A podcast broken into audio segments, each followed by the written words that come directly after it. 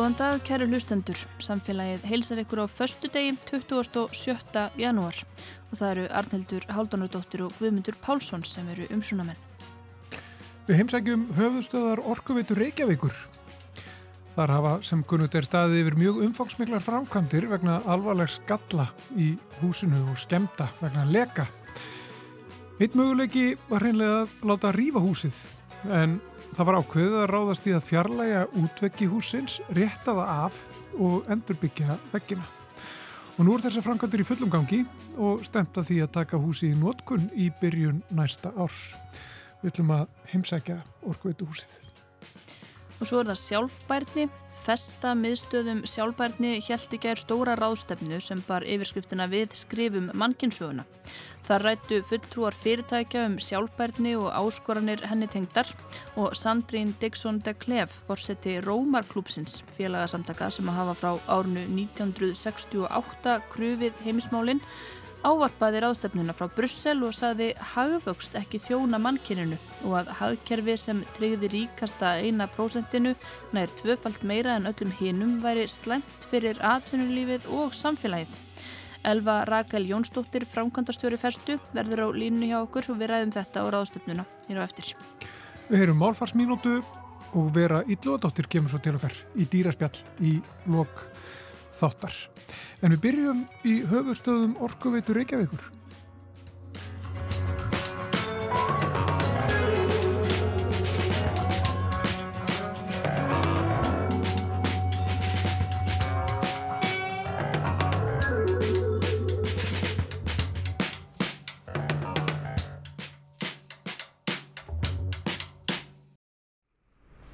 Við stættum við Bæjarháls Reykjavík. Við höfustöðar Orkuveitu Reykjavíkur. Og ég er hinga komin til að fá að skoða eh, höfustöðanar þar sem eru mikla framkvæmdur í gangi og hafa verið undarfærið vegna þess að húsi reyndist nú vera gallað eins og eh, hlustendur þekka og hefur nú oft verið rætt. Og það þurft að ráðast hérna í meiri hátar framkvæmdir Ég ætla að hitta hérna Gretti Adolf Haraldsson og Kristrúnu Dröfn Jóhannsdóttur.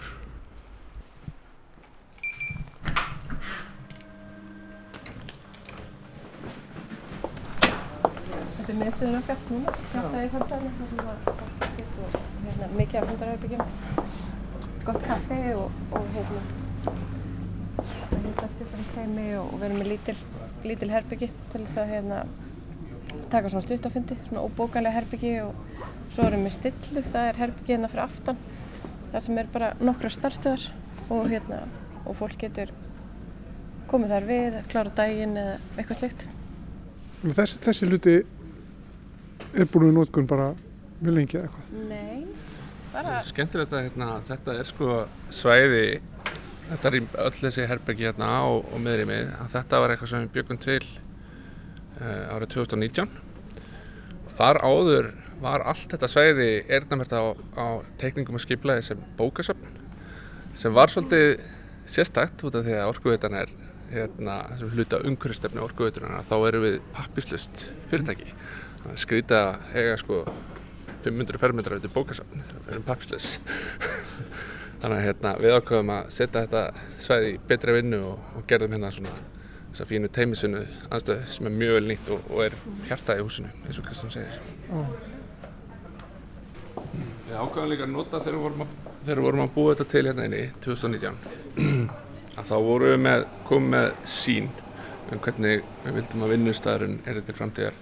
Og það má kannski kalla þetta svæði hérna svona pröfu veist, prófa að búa til vinnustæð hérna neyðri á þessu lilla svæði til að fá svona endurgjöf frá starfsfólkinu um hvernig þeim líður á svona vinnustæði og þetta verkefni tókst mjög vel og er mest sóta svæði í húsinu. Þannig að þetta er svolítið svona hefur verið vissuleiti leiðavísilin okkar um áframhaldið framgættir í húsinu. Er það ekki bara því að það er besta kaffið hérna? Jú, það er hluti af þessu sko. Mjög stórnir Ég heiti Grettir og ég er verkefnastjóri árgautunar í endurbótum á hérna höfustöðum hérna á Bælus 1 Ég heiti Kristrún Drögn og er fórstuðukona innrið þjónustu fjá Orkveitur Reykjavík. Og hvað hefur við hér? Er, eru þetta myndir af sagt, myndir úr framtíðinni? Getur maður sagt það? Framtíðin er bara hérna, komin eftir eitt ár sko. Þetta er hérna, húsið eins og það verður á, í byrjun næsta árs. Og hérna sjáum við kvalrýmis framkvæmdina, það er hérna pallana sem við erum að byggja á milli hæða og hérna sérðu bara hvernig svona hugmyndafræðina, hvernig hérna við hugsaum þetta sem svona miðstöð, teimisvinnu og, og hugaflugs.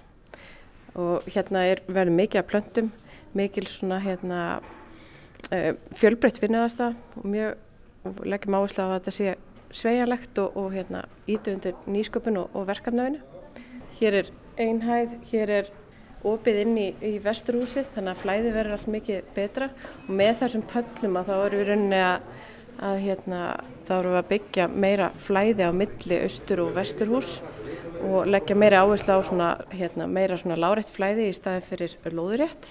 Við erum að fara að taka hringstíðan í burtu sem að hérna var orðið batsins tíma og, og erum komið með miklu svona láréttari stiga þar sem er auðvildra ganga á milli hæða og, og býr til meira flæði. Hér má sjá uh, móttökuna á fyrsta hægt, það sem er hérna, sóttir innblástur í turbinuna í allir ástöð. Mjög flott. Þetta er, er svona verkefnastofn, þetta er mörg verkefni og, og eiga aðdraðanda sinn, sagt, hérna, aðdraðandið þeirra er mjög langur. Hefst í rauninni sko uh, á því að, að hérna, að það kemur í ljós uppgötast að, að innviðir vesturhúsis orguður reyngjaugur eru, eru rakaskemtir og, og, og svo vittneskja hérna kemur kemur fram síðla ást 2015 og þá uh, hefjast hefst skoðun á því hvernig er hægt að laga húsið og, og endar svo á því að, að hérna, það er ákveða að fara þá leið sem var örgust og, og best að skipta um útökina á húsinu sem er svona frekar umfangsmikil framkvæmt og, og svo ákvaðu við í rauninni að nýta samleðina af þeim framkvæmdum til að endur nýja hluti innan hús sem að voru úr sér gengnir og, og úreldir og, og svona kemur þetta svona koll af kolli. Og, og svo þessi síðasti hluti sem að Kristrún var að segja frá þér sem snýra kólrýminu sjálfu. Kólrýmið er, er það sem við kallum glerbygginguna sem er á milli þessara austur og, og vestur hús orkuðunar og eins og Kristrún segja að, að þá mikið tækifæri í því að, að hérna, gæða það lífi, tengja það betur við austur og vestur hús út af því að orkuvitan er þannig félag að það byggi, byggist mikið upp á teimisunu, milli sviða og milli delta og þannig fáum við hérna nýtu þessu mest kraftin í, í, í fólkinu okkar. En svo ekki síður er alveg verðt að nefna að allan fyrir mitt leiti ég hef komið hérna inn í þetta hús sem viðskiptaunur orkuvitunar og það hefur verið, fannst mér allan svolítið skrítið að stíga inn í þetta kolrimi. Það var engin starfsemiðar eiginleg maður bara gekk inn í kolumið og, og þar var maður bara einn í, í risa stórri svona gler og marmara höll fannst manni og vissi ekkert hvert maður var að fara.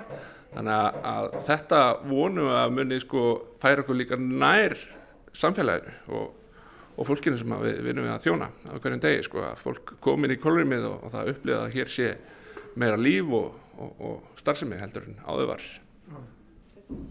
að þetta tækifæri til þess að breyta líka bara svona notagildi húsins í rauninni upp á þessu marki. Já, húsið er eign okkar allra, eign reykjökinga og það er eitt af mikilvægastu gildunum uh, í þessum verkefnum sem við erum að vinna að hafa það að leiðaljósi að við erum að, að vinna fyrir uh, reykjökinga og, og, og að auka notagildi kólrýmisins er umfram allt uh, góð fjárfesting fyrir eigandan að því sem eru reykingar. Þa, það hefur ekki nýst vel, uh, það var bara einn stór geymur, 30 metra loftæð, engin starfsemi í því en rekstrar kostnæður þess samt uh, sá henn sami og, og eins ef það væri mikil starfsemi í því Þannig að við erum, erum bara að fá meira út úr þessari upphaflegur fjárfestingu þegar þetta hús er byggt. Við erum að hérna, auka starfseminni í því þannig að það nýtist betur. En húsi var bara ónýtt, það má bara segja það.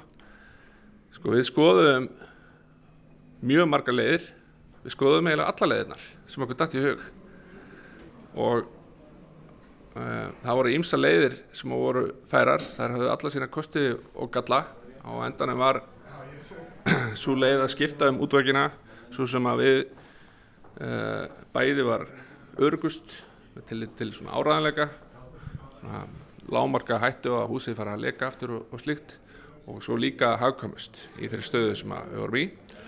Megnið á húsinu var samt í fínu lei, útvekinnir lágu, þeir voru gallaðir og öllu hérna, rakaskemdum innan hús en burðarverki, mikið af lögnum og öðru slíku var og er í fínu lei enda eru við uh, að fara að endurnýta mjög stóran hluta, hluta húsinu með svona hagkamnina leðalösi. Hefur sett okkur hjálm og, skoða eitthvað? Já. Þá vorum við með græðir fyrir því. Hefur gerð það? Já. Já. Mjög spennandi.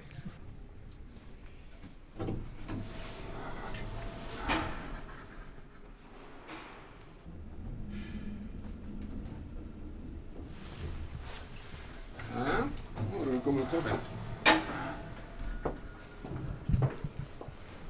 Það er sjötta hæð. Þetta er sjötta hæðin. Já. En það er starfsemi í húsinu. Ég meina að það eru menn að stoppa hérna á leiðinni í liftunni sem eru á leiðinni í vinnuna. Já, já, það er starfsemi í húsinu og það var uh, full starfsemi orkuðutur Reykjavíkur hérna á þeim tíma sem við vorum að skipta um útöki vesturhúsins líka. Uh, það hefur verið bara í fullri hreinskilinni, það, það er eina af svona kannski áskorunum sem hefur verið í þessu verkefni að viðhalda uh, skrifstofustarfsemi á sama stað og maður stund sagt, er í svona grófum og stórum byggingafrangandum. Það er vart hægt að finna ólíkari hluti heldur á þess að tvo. Það hefur verið áskorun en, en skipt okkur samt miklu máli uh, bæði með hagkamna leiðaljósi að fara ekki að leia út í bæ uh, stórt, stórt skrifstofustæði fyrir orkuðutuna en líka bara viðhalda þessar tengingu við hérna, viðskiptaðinu okkar og, og gesti að fólk kom alltaf hérna bæjar alls eitt til að hitta okkur sko. En hvað er þetta þá stór hluti af, af uh, húsinu sem er undir hér í þessum framkvæmdum? Og eru að tala um eitt hús? Eru að tala alltaf um tvö hús? Er þetta alltaf, tengið þessi hús alltaf saman þegar eru að tala um það? Í rauninni er þetta eitt hús en, en við hérna innanhús bara svona til að hérna kannski að vita betur uh, og geta betur skipt frá hvar við erum á, á hverjum tíma að þá tölum við jafnarinn svona í daglegu tali um, um þrjú hús sem þetta annars vegar hérna í fyrsta lagi vesturhúsið sem við erum búin að vera að laga núna uh, síðan 2000 og, 2021 uh, Kolrýmið sem er glerhúsið sem að tekur við af því og svo austurhúsið sem er hérna dökka kassalaga húsið sem er austan við vesturhúsið. Þannig að hérna í yfir allan frangatantíman uh, höfum við haldið fullri starfsemi í austurhúsinu og við höfum bara þjætt raðirnar þar á meðan. Við höfum tekið önnur svæði í húsinu uh, undir frangandir og minni, minnsti hlutin af þessari húsvegn er austurhúsið. Vesturhúsið er, er, hérna, er rúmlega tvöfald stærra að gólfleti og, og auk þess er hérna, kolonimið sem tengir þessi hús saman að það er, svo sem, það er ekki stórt að gólfleti en það er líka bara út að það hefur verið illa nýtt. Það var bara ein hæði og, og, og eins og ég segi svona 30 metra loftæði sko. En því ætlum við að breyta núna. Með að fjölga gólffermetrum þar til muna þannig að eigandinn fái betri nýtingu út úr húsinu sínu og að við, við styrkjum samstarfið á milli okkar sem störfum hérna. Og hvað erum við núna? Hérna upp á sjöttað og horfum yfir hvað? Við horfum yfir, yfir kvolrumi hérna. Og hérna verður byggt á milli hæða þannig að hérna, þú horfir ekki lengur svona niður eins og, eins og við sjáum hér. Hér eru bara framkvæmdur í fullum gangi og það er ekki, það er ekki sjötta hæð á Östurhúsinu þannig að þessi hæð er, er hérna, tilhöru bara Vesturhúsinu. Og það er hluti af þessu hérna, sem er sérstætt við þessa frangand að við þurftum að uh, gera mjög nákvæmar áallanir og skipulegja þetta samlíf uh, frangvenda og skrifstofustarfsemi og það felur meðal annars í sér að við erum með sko, svæði sem eru bara frangvendasvæði og, og við viljum ekkert skrifstofufólk inn á, við erum með svæði sem eru bara skrifstofusvæði og við viljum ekkert frangvendafólk inn á. En svo eru við með svona blöndusvæði eins og brýrnar sem eru hérna, leiðin sem að fólk notar til að ferðast inn í Östurhús að það eru svæði sem að frangandafólk og skrifstofólk deilir. Þannig að gilda mjög sérstakar reglur um hvernig á að haga sér á þessum brúm. Akkurat.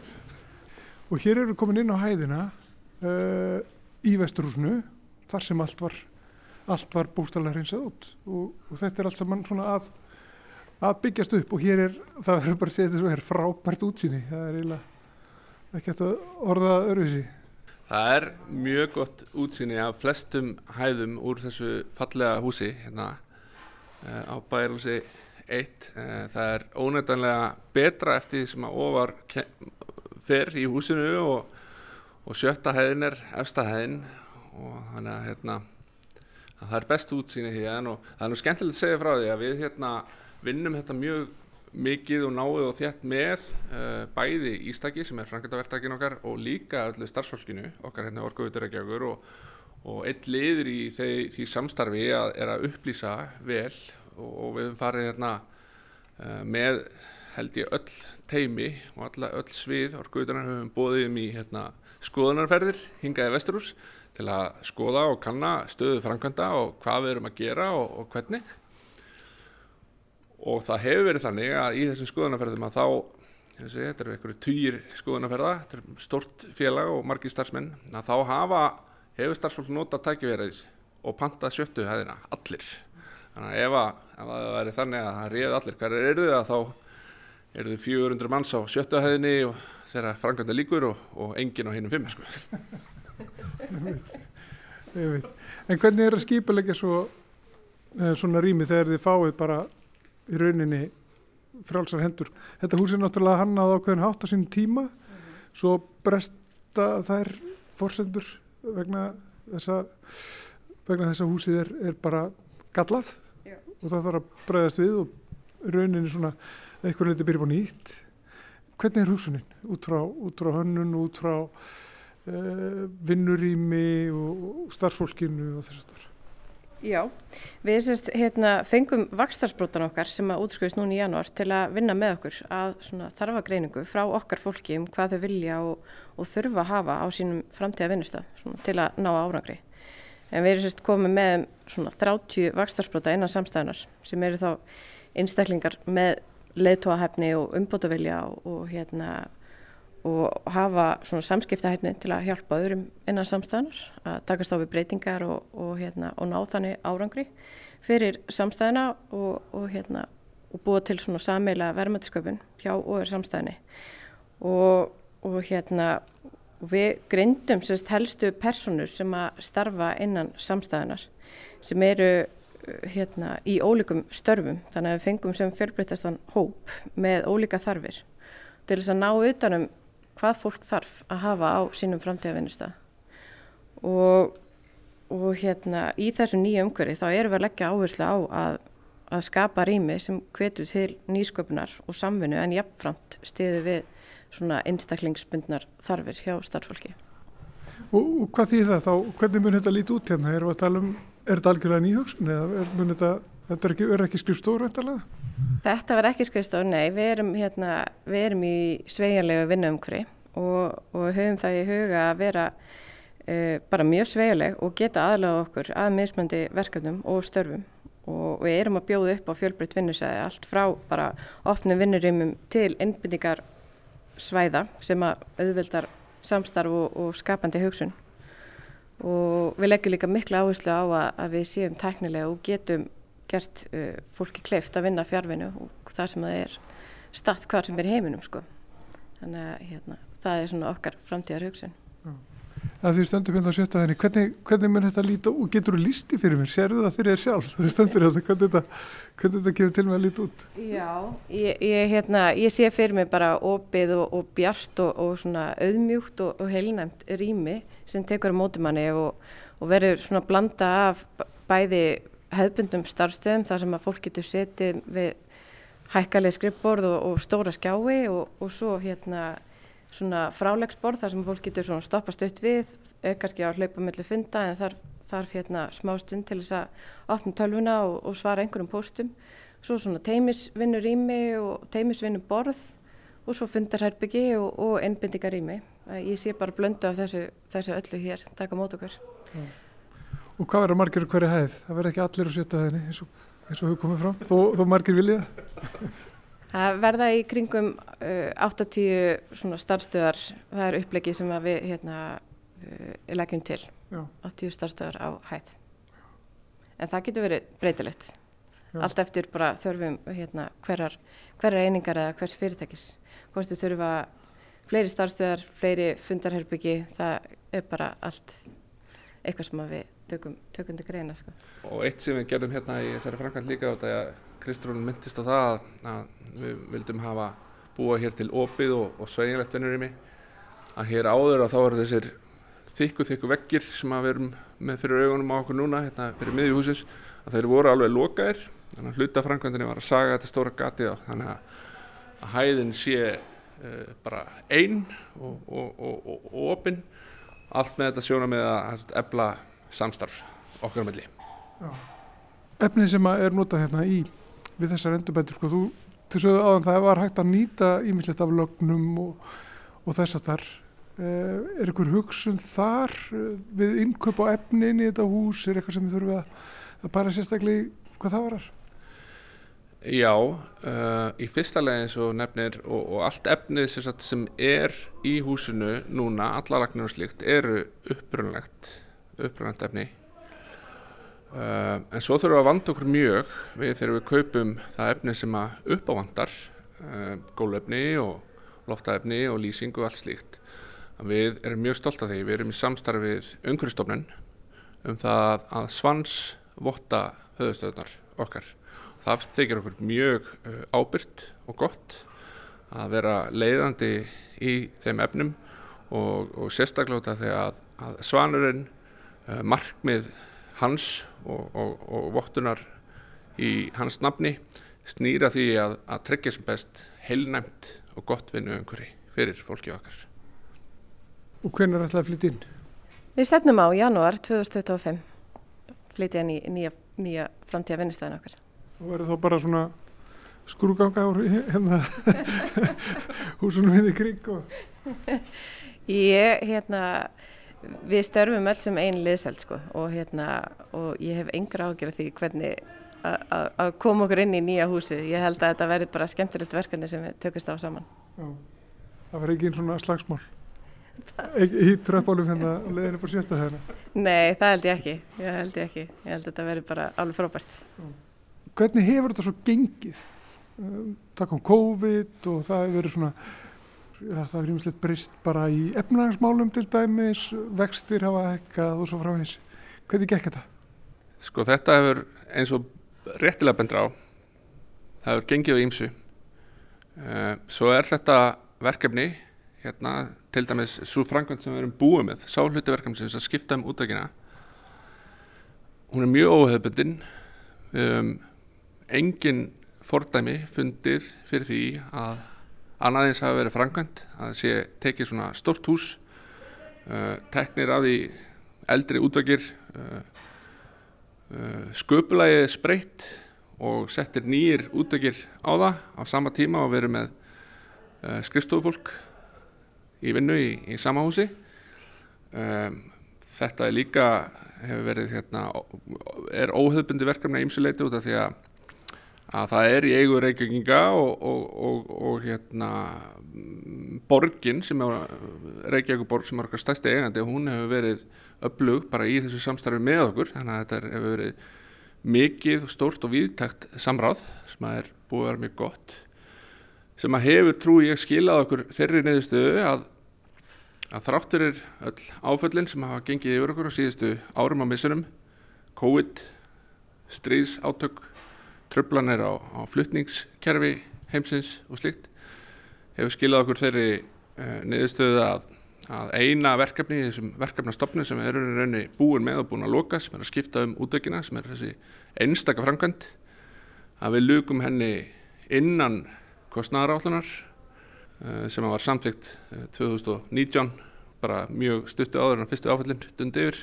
að við lukum inni núna á þessu, þessu ári og, og virtum krónutöluna sem við loðum að, að fara ekki yfir. Þeim við það Grettir og Kristrún hjá Orkuveitur Reykjavíkur. Takk fyrir að taka mót okkur hérna í, í höfustöðum Orkuveitunar. Takk fyrir. Myrkrið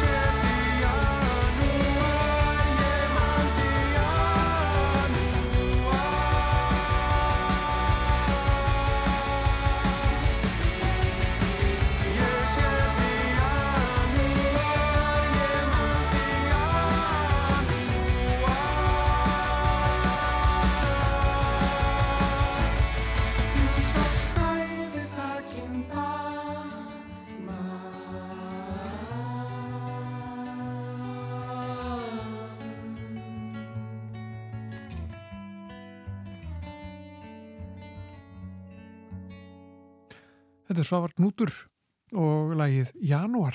Eina janúarlagið sem ég mann eftir. Já, ég man ekki eftir, neinu, ekki svona í fljótu bræði. Það hljóta nú að vera fleiri. Það getur verið. En núna er hún komin á línuna, hún Elva Rakel Jónsdóttir, framkvæmdarstjóri Festu. Heyrir í okkur? Já, ég er ykkur, komið sæl. Hæ. Við vorum nú aðeins að velta fyrir okkur bara hvernig eh, þessi ráðstefna hefði gengið í, í gær og, og svona hvers þið urðuð vísari eftir hana. Hvernig, hvernig gekk þetta allt saman? Stóra gekk, já þetta var stóra aðstöðuna, hún gekk alveg ótrúlega vel. Það voru 400 mann sem sátu upp með okkur í selnum og það var bara, áþrifanlega orka í selnum einhvern veginn og mikil, svona, hérna, mikil kraftur og, og gleði. Þannig að við erum alveg rúsalega ána með ráðstöfnunni heild og, og við náðum að fá einn mjög fjölbreytta rattir úr alls konar áttum og, það einhvern veginn gerði, gerði einhverja töfraða því að sko sjálfbarni sem að eru auðvitað þessum að festa er að vinna að, sjálfbarni í restarumhverfi, það er svo stórt koncept, við erum ekkert að tala bara um umhverfstáttina, við verðum líka að horfa á hvernig stjórnum við og hvernig vinnum við að félagslega þættir. Þannig að það tókst mjög vel. Já, og eh, voru einhverja nýjar áherslur sem að komu fram á, á ráðstöfnunu, finnst það var mikil gróskaðna, hver eru svona helstu ströymarnir núna? Já, sko við ákveðum nefnilega að hérna við vorum með svona frekar eh, stort heiti á. Einmitt. Við kallum hana sem sagt við skrifum mannkynsöguna og, og þetta er náttúrulega hljómar kannski svolítið stórikt en þetta er samt bara þannig. Við erum auðvitað að skrifa mannkynsöguna, við erum öll með höfundar að henni með einhverjum hætti og allar ákvarðanir sem við tökum hafa bara áhrif á gangsögunar og, og við svona byrjum svolítið að þeim nótum að, að þú veist, 2003 var auðvitað kannski sögulegt ár að mörguleiti hvað varðar bara stöðu lofstafsmála til dæmis. Þetta var fyrsta árið þar sem við fórum yfir tvekja gráðu hlínun frá fyrir innbyltingu og, og það voru bara ó, skilur, áður óséður öfgar í veðurfari sem að fóru jafnvel fram úr spám YPCC. Þannig að þetta er alltaf orðin saga. Nú er þetta bara búið og gert og þá er þetta bara spurning hvað ætlum við að gera svo? Hvernig verður næsti kapli hjá okkur? Þannig að, að okkur fannst þetta titill bara eiga mjög við og hann setti svolítið tónin. Já, Svo vorum við sagt með þemu fyrir daginn og, og annað þema var í rauninni að við þurfum að vera með leiðtoga þegar við stöndum á þessum sko krossgötum í, í mannkísugunum, þá þurfum við að vera með leiðtoga sem að þóra og hafa kjark til að horfa á heldarmyndina og horfa í svona til langstíma. Uh, vegna þess að ef við erum bara algjörlega först því að horfa bara næsta ásfjörns uppgjör og látum ekkert annað stýra því hvernig við tökum akvarðanir, þá eigum við mjög erfitt með að ná áfram í, í þessari, þessari vegferð. Sko. Þannig að við þurfum að hafa leiðtoga sem að þóra að horfa lengra og við vorum með alveg frábæra uh, talsmenn, leiðtoga á þessum hérna í, á, í okkar hérna, erendum sem voru akkurat að segja þetta, bara að ef þú, ef þú setur sjálfbarnivegferðina inn í kjarnastarfsemina að þá nærðu, skiluru, þá nærðu ábáta og ef að þú leifir þeir að vera með drömkjent markmið þá færðu starfsfólki með þeirri lið og svona. Þetta var rosalega stert að heyra þetta. Og svo vorum við sem sagt með hitt þema sem við vorum með það var í rauninni hvað var þar félagslega sjálfbarni að því að sjálfbærni eins og kannski margir þekkja er samsett úr í rauninni mörgum þáttum meðal annars þess að öllum umhverfstáttunum líka svona stjórnunarlegum þáttum en svo líka félagslegum þáttum og það sem við vorum þá að reyna að gera var að lifta því upp að ef að við erum með ólgu í samfélagunum okkar, ef það er mikil skautun, ef það er mikil ójöfnuður um, og svo framvegis að þá er það að fara að taka svo mikil fókus frá sko, stjórnmálamennunum okkar, frá rekstraaðalum, frá öllum. Þannig að við höfum ekki, sko, við munum ekki vera nægilega hröð og snögg eins og við þurfum að vera. Við þurfum að vera mjög hröð núna og halda vel á spöðunum í okkar umhverfismálum. Þannig að félagslegi þátturinn sjálfbarni er eiginlega forsönda þess að við náum árangri í umhverfstættinu. Og það var svolítið það sem við vildum lifta upp. Það ríkir svona félagslegur stöðuleiki eða sjóði ekki upp úr milli hópa í samfélaginu því þá er náttúrulega erfitt að vinna saman að stórum markmiðum uh, skrifa mannkynsögun í rétt átt þegar kemur að, að umhverfsmálunum og þessum stóru áskorunum framundan. Árið 2030 nóga, nálgast bara ófluga og þá að vera búið að ná ymsum markmiðum. Akkurat þannig sko. Og bara það var líka týrætt um seglu. Það var svolítið svona kannski líkil orða þessar ástöfnu að það var bæði verið að ræða um sko seglu sem að leituar þyrtu að, að tilenga sér. Um, og hérna og svo var líka verið að tala bara um að, að í rauninni, þú veist, við þurfum að, að tilenga okkur seglu svona í uh, bara í inn, tilenga okkur innri seglu og það svona komið aðeins svona félagslega þáttin að, að hérna uh, við vorum, vorum hérna mjög áhugaverða unga konu sem að var fyrir um aktivisti uh, og svolítið brann út. Og, og hennar saga var svolítið þessi að, að við þurfum að búa til ákveðna innri siglu þannig að veist, fólki, fólk megi vera mannlegt. Og það var svolítið líka einn af þessum, þessum liklum sem við vorum að reyna að lifta upp. Já, Við vorum nú í, í samfélaginu gær, þá vorum við með umhverfispistil frá Stefáni Gíslasinni umhverfistjórnafræðingi Mhm. og hann var að tala svolítið um það hver ætti að draga vagnin, hver ætti raunin að taka skarð og gera eitthvað í þessum loftslagsmálum Mm. og uh, hann svona uh, nefndi bara að þetta þurfti þetta að vera s- stjórnvöld og fyrirtækin og almenningur þegar þú hugsar um hlutverk fyrirtækja Mm. uh, að því nú hefur þetta svolítið verið umræðunni það var nú bara í gæra fyrir þetta sem umhverfisráð þeirra stóð fyrir fundi um gullhúðun þar sem að hann gaggrindi að oft væri verið að ganga of langt í innleðingu tilskipuna frá ES Mm umhverfismála tilskipina sko, hvernig metið þið stöðuna? Er Ísland að standa sér bara nógu vel eða, eða og er, ættum við að gera minna innlega aðeins hérna svona dælir tilskipanir eða, eða hérna, sleppa gullhúðuninni? Já, þetta er rosalega áhugaverð umræða. Sko, heilt yfir þá þurfum við, við megum alls ekki gera minna. Við þurfum auðvitað öll að vera að gera meira og gera það hraðar. Og ég held í rauninni að allir sé alveg sammála um það. Þannig að, hvaðan sem fólk kemur að þá held ég að fólk sko geti alveg sammælst um að það sé staðan. Þú veist, við þurfum að ganga e, hraðar og nokkurn veginn í takt. Þú veist, það eru þetta kostur ef við erum ekki upp á móti hvert öðru. Um, en það sem er hins vegar sko mjög gaglegt að vera alltaf bara að rýna opið og hreinskilin hátt er bara hvernig ættum að varða leiðin að þangað og hvernig er best að framkama hlutina og það er bara praktiskar eh, svona hérna áskorður sem allir standa fram með fyrir. Þannig að ég held að það séu í rauninni verkefni og er bara eitt af þessum verkefni sem stendur fram með fyrir er að passa að sko eh, að samtals kannski einhver skortur á samtali eða, eða hérna eða, eða miskilningu manna milli verða ekki til þess að það verði einhvers konar stöðnun eða afturför heldur að við lítum bara á þetta sem eitthvað verkefni sem er bara eins og öll hinn verkefnin. Við þurfum bara að takast á við. Veist, hvernig viljum við rauninni innlega hlutina? Hvernig viljum við framkvæma það, hvernig eftirritum með þeim að vera? Uh, hvernig hendar lögjöf fyrir og þessar aðstæður? Þannig að veist, þetta finnst mér bara að vera svona algjörlega praktist verkefni og við ættum ekki að gera þetta af hugmyndafræðilegu verkefni. Uh, Sandrín Dixon de Klef frá uh, Rómarklubnum, hún ávarpaði rástefnuna Já. í gær og hún var svolítið að hugsa um, um hagvöxtin og afstæða hennar til hagvöxtar, hún er í raun neikvæð, telur hann grafa undan mannkininu. Í sömu málstofu var Andri Þór Guðmundsson, uh, frangatstjóri Ölgerðarinnar að tala um að þau hefðu náða uh, draga úr losun og auka veldu fyrirtækisins sam, samhliða. Hver, hver er, er þið með einhverja afstöðu hjá ferstu til hagvakstar málsins, hvort að það þurfi að uh, hverfa frá þeirri stefnu í hagfræðinni?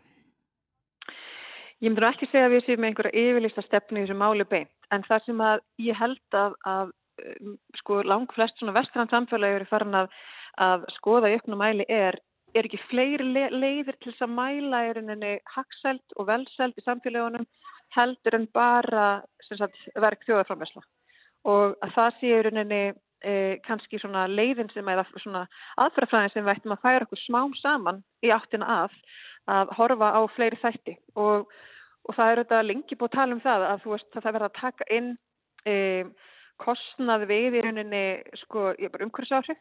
E, þannig að sem sagt svona externalities séu líka kostnaðar, séu kost, kostnaðar inn í, framkvæmdir og, og fjárfastingar annars styrkt og það er einhvern veginn ekki lengur eitt rosalega mikil uh, de deila, standur, standur ekki deil um það, að það sé mjög gáðalt að gera það, en hins vegar þá kannski vantar svolítið svona útfærslan á því og framkvæmdina.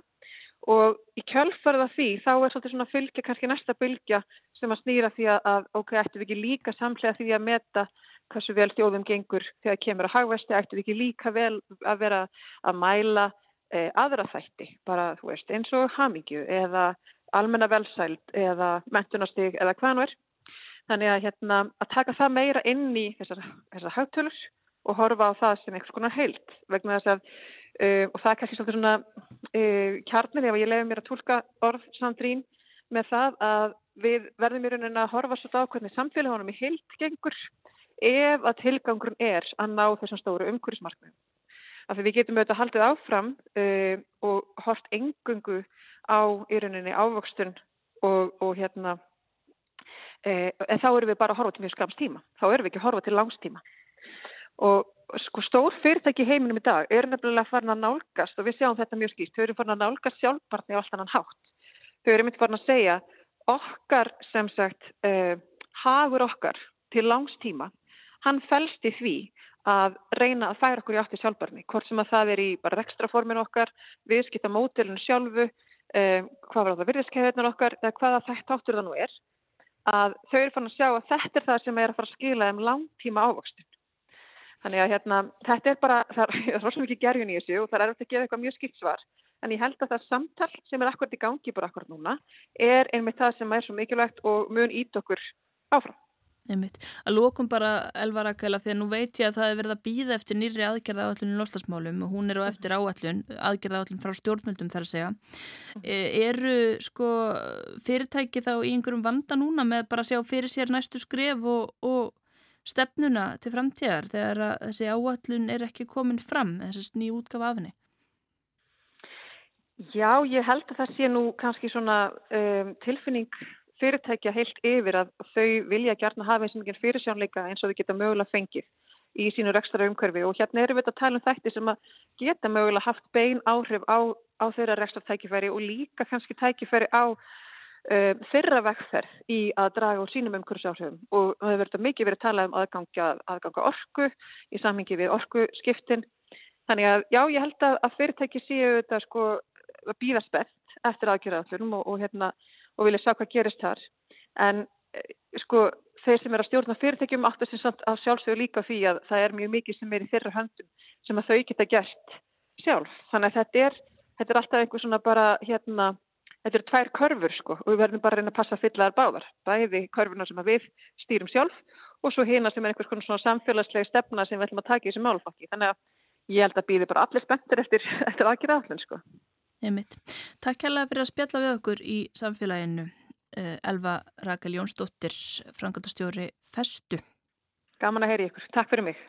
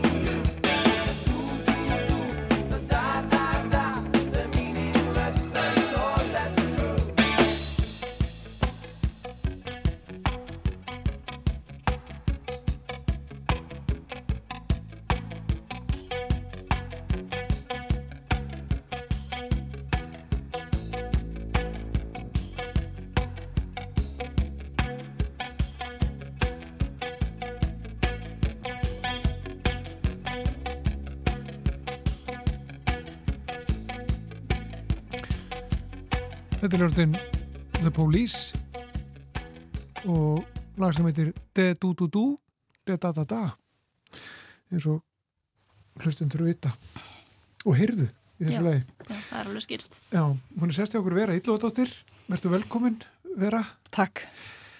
Sko, þú ert mitt aldrei áhugavert umfyllunarhefni hjá okkur í dag Já, og myndrænt. uh, mjög Útvarpi. myndrænt. Uh, ég hvet hlustendur sem að hafa aðstöðu til að, að leita sér að þeim myndum sem að uh, hér umræðir. Þetta er ekki eins og ég tala oft um svona einhverjar rannsóknir, kannski ekki eiginleg rannsókn, meira kannski svona eins konar gjörningur. Það þannig málmum vesti að ljósmyndarinn okkur í Fraklandi í París, að nafni Ágústín Lignier, hann uh, hefur byrt í uh, fjölmiðlum afrakstur verkefni sem hann hefur verið að vinna undanfarið um, ljósmyndari á, ýmsum sviðum og hann fór að velta fyrir sér svona þessum sjálfsmyndum sem við erum farin að taka mörg í gríð og erg á síman okkar af okkur sjálfum. En þær pælingar leittu hann út á nokkuð óvenjulega braut uh, af því að hann fór að uh, sömu leiðis að, að, að uh, Já, hugsa um rannsóknir bandarísk sálfræðings B.F. Skinner, atfellishyggjumann sem er kannski uh, þekktastur fyrir það að uh, stúdera meðal annars uh, hegðun og viðbröð uh, rotta uh, svona upp úr 1930. Þá smíðaði hann sérstatt búr sem að hefur verið kallað Skinner búr, það sem að var rofi sem að ef rottur inni í búrinu íttu á rofan þá fengu þær einhvers konar uh, mat og þetta notaði Skinner í, í rannsóknir á sem sé atferðli og svona og rotta á einsan hátt og, og það, það, þær voru til að íta á rofana í tíma og út, út, ótíma eða fengu mat eða, eða önnur verðlaun fyrir og svona ímislegt fleira.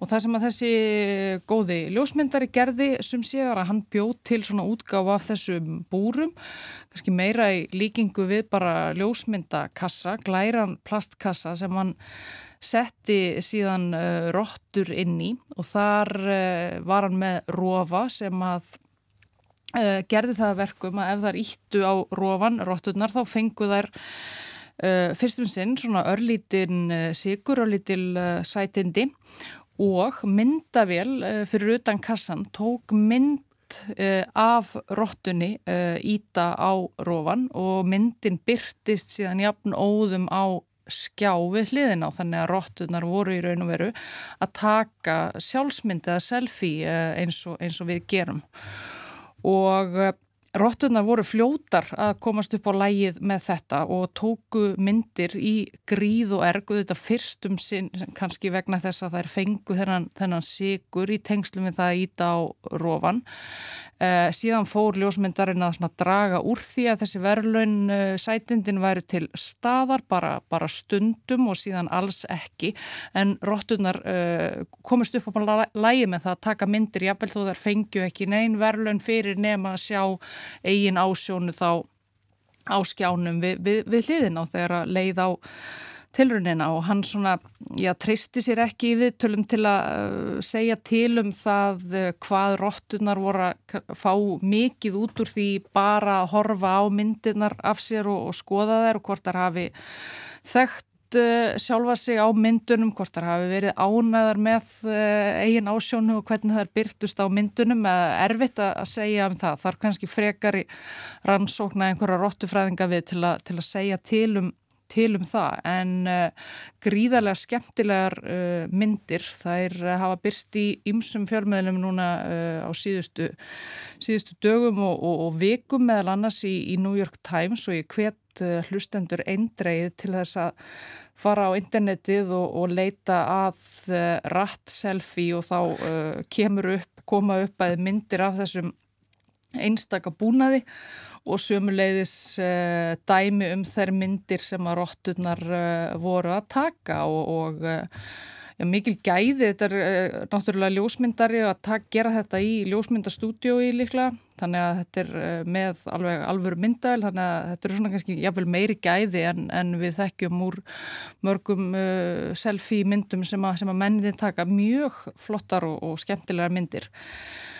En uh, sem að ég, já, hvet fólk til að, til að skoða. Ljósmyndarinn sjálfur vill meina að, að við getum í, í gegnum þessar myndir og, og, þessa hegðun rótana lesið eitthvað í svona okkar eigin afstöðu og, og hegðun í kringum kringum sjálfsmyndir og, og uh, samfélagsmiðla og að rótturnar greinlega verði, verði háðar þeim ekki, ekki, ekki síður en við gerum. Ég ætla nú ekki að vera með einar uh, stórar uh, meiningar, um, meiningar um það hér en, en uh, ljósta allavega að þetta er enn einn sönnun á því hvað róttur eru gífulega klár uh, kvikindi. Við erum alltaf að komast betur og betur að því uh, í rannsóknum hvað þær eru mikilsmegnuar og uh, kannski ekki síst líka hvað er hægt að kenna þeim að takast á við nútíma tækni. Þær geta greinilega lært að taka ljósmyndir. Er kannski gaman að, að ef þær getur beint uh, myndavilni annað en bara sjálfum sér, það væri gaman að sjá hvaða ljósmyndir aðrar uh, róttur vilja, vilja taka Hvort, það, hvort það séu aðra róttur sem að Hvort það myndu taka, já, eða taka mynda matnum sínum eins og fólk gerir. Já, einmitt, já. einmitt það geti já. en uh, það eru svona alltaf að koma skemmtilega dæmi um þetta hvað hægt er að, hvað hægt er að kenna róttum að gera, ég held ég hafa nú nefnt það einmitt, mér langaði til þess að rifja það upp að hérna fyrir nokkrum árum þá saði ég frá því hér í samfélaginu að uh, vísindamenn í bandaríkunum við Richmond Háskóla í, í Virginíu 2019 þeir uh, kunngjörðu það að þeim hefði tekist að kenna róttum að keira bíl ekki, ekki alveg uh, bílum sem að við mennirnir uh, keirum heldur svona sérsmíðum litlum róttu bílum sem að voru útbúinir sérstaklega fyrir þessa rannsókn. Dýrin styrðu þeim með því að stíga á litla víra á, á gólfi fartækisins og, og gáttu stjórna því hvort að bílinn færi fram og aftur til hægri og, eða vinstri. Og fóru létt með að læra það, fenguðu þetta eitthvað að launum þegar það er þegar þær uh, komist í gegnum, gegnum það ferli og uh, fannst greinilega uh, gaman að keira um á, á þessum litlu, litlu bílum og gerðu það jafnvel þegar að, þegar að engin matur var í bóði nákvæmlega eins og, eins og þær heldu áfram að taka sjálfsmyndir eftir að, eftir að verlunin voru, voru tekin af þeim Já. Þannig að róttur eru greinilega svona nýjungagernar skeppnur og vilja tilenga sér uh, nýjustu tækni.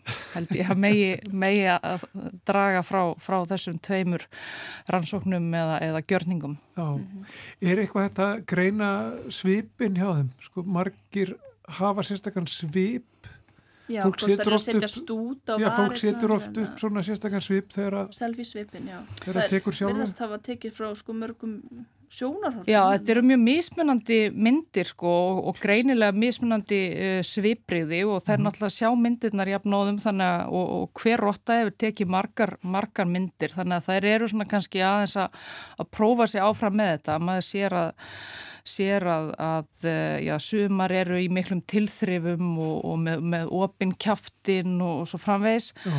en aðrar myndir mun, mun, já, aðrar myndir mun settlegri Þannig að það, það kennir þarna ímis að grasa í því hvernig róttunar nálgast uh, þetta verkefni og, og uh, ég held að, ég held að, að svona sjóaði róttu fræðingar hljóti að geta, geta greint uh, ítalega svipriðin í, í, út, frá þessum, út frá þessum myndum. Já, það er ekki komin eitt svona, er ekki komin einu upp eða svo leys fyrir þessar róttur? Það þurfa náttúrulega ekki að snjálfsíma sem er gætið tekið með sér bara í ræsið. Það þurfa ekki að slétt úr hrukunum eða svo leys. Eða fyldirar. Engir, engir sérstakir róttufilterar uh, eh, enn sem komið er enda að þurfa þessar róttur uh, ekki á neinu Nei. slíku að halda og mér finnst að við ættum alls ekki verið að gefa slíkt í, skín hér. Nei, nei, nei, nei, nei. Þetta er slettar og feltar róttur. Fáranleg spurning. Áttuður ykkur upp á alls róttu af þessum sem að byrtast þarna Eh, hjá New York Times til dæmis? Uh, já, það er einhaldan sem ég held upp á. Hún er uh, skemmtilega og litin með svona dökk uh, brunt höfuðið en, en, en, en hvít á, á neðri hluta búksins. Mm -hmm. Mér finnst hún sína mjög góða takta hana, einmitt mörg sviprið og einni mynd er hún svona hálf eitthvað, hálf svona skeftísk á, á, á svipind, á liti grunnsamleg og, og annar staðar er hún bara fullkomlega, fullkomlega eðlilega á, á, á svipin og mikil tilþrif á, tilþrif á ferðinni. Já, hinn er öllu svona rekklausari sem byrtist þarna þessi kvíta. Já, og eh, bara, ég vona bara að, að þessi búnaður verði, verði settur í almenna sölu og, og róttu eigendur uh, hvarvetna geti, geti farið að leifa uh, dýrunum sínum að, að njóta og, og taka myndir. Já, Staða kom- búnaður í hverju róttu búri. já, einmitt. En að því við höfum bara smástund eftir, það er sko, það kom upp mál fyrir nokkrum árum, mannst eftir því, það var api sem komst í myndavill hjá, hjá ljósmyndara og tók mynda sjálfum sér. Það. Og það verður deilur um sko hver ætti höfundaréttina myndinni, hvort það væri apinn Mhm. eða ljósmyndara. Já, einmitt. Það er ekkert minnst á, á það efni í, uh, í umfyllu New York Times allavega um þetta en ég tek eftir því að það er heldur engin svona texti, uh, undirteksti uh, með myndunum að það er tilheri endilega þessum ljósmyndara.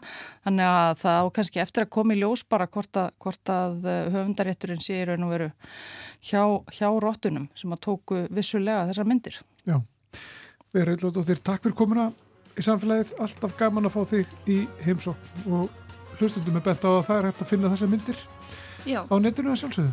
með því að, að leita bara rætt selfie. Já, en lengra komumst við ekki þessa vikuna hér í samfélaginu. Við ætlum að fara að halda út í helgina. Já, spurning hvernig veðri verður. Já, Það verður blind áfram eða? já það bara er það skallir á blind hríð í morgun Já. og eins og í gær reyndar líka. Við vonum að, að engum ára mitt af. Nei, og fólk færi varlega og bara njóti helgarinnar framöndan Já, Guðmundur og Arnildur þakka verið sig, verið sæl.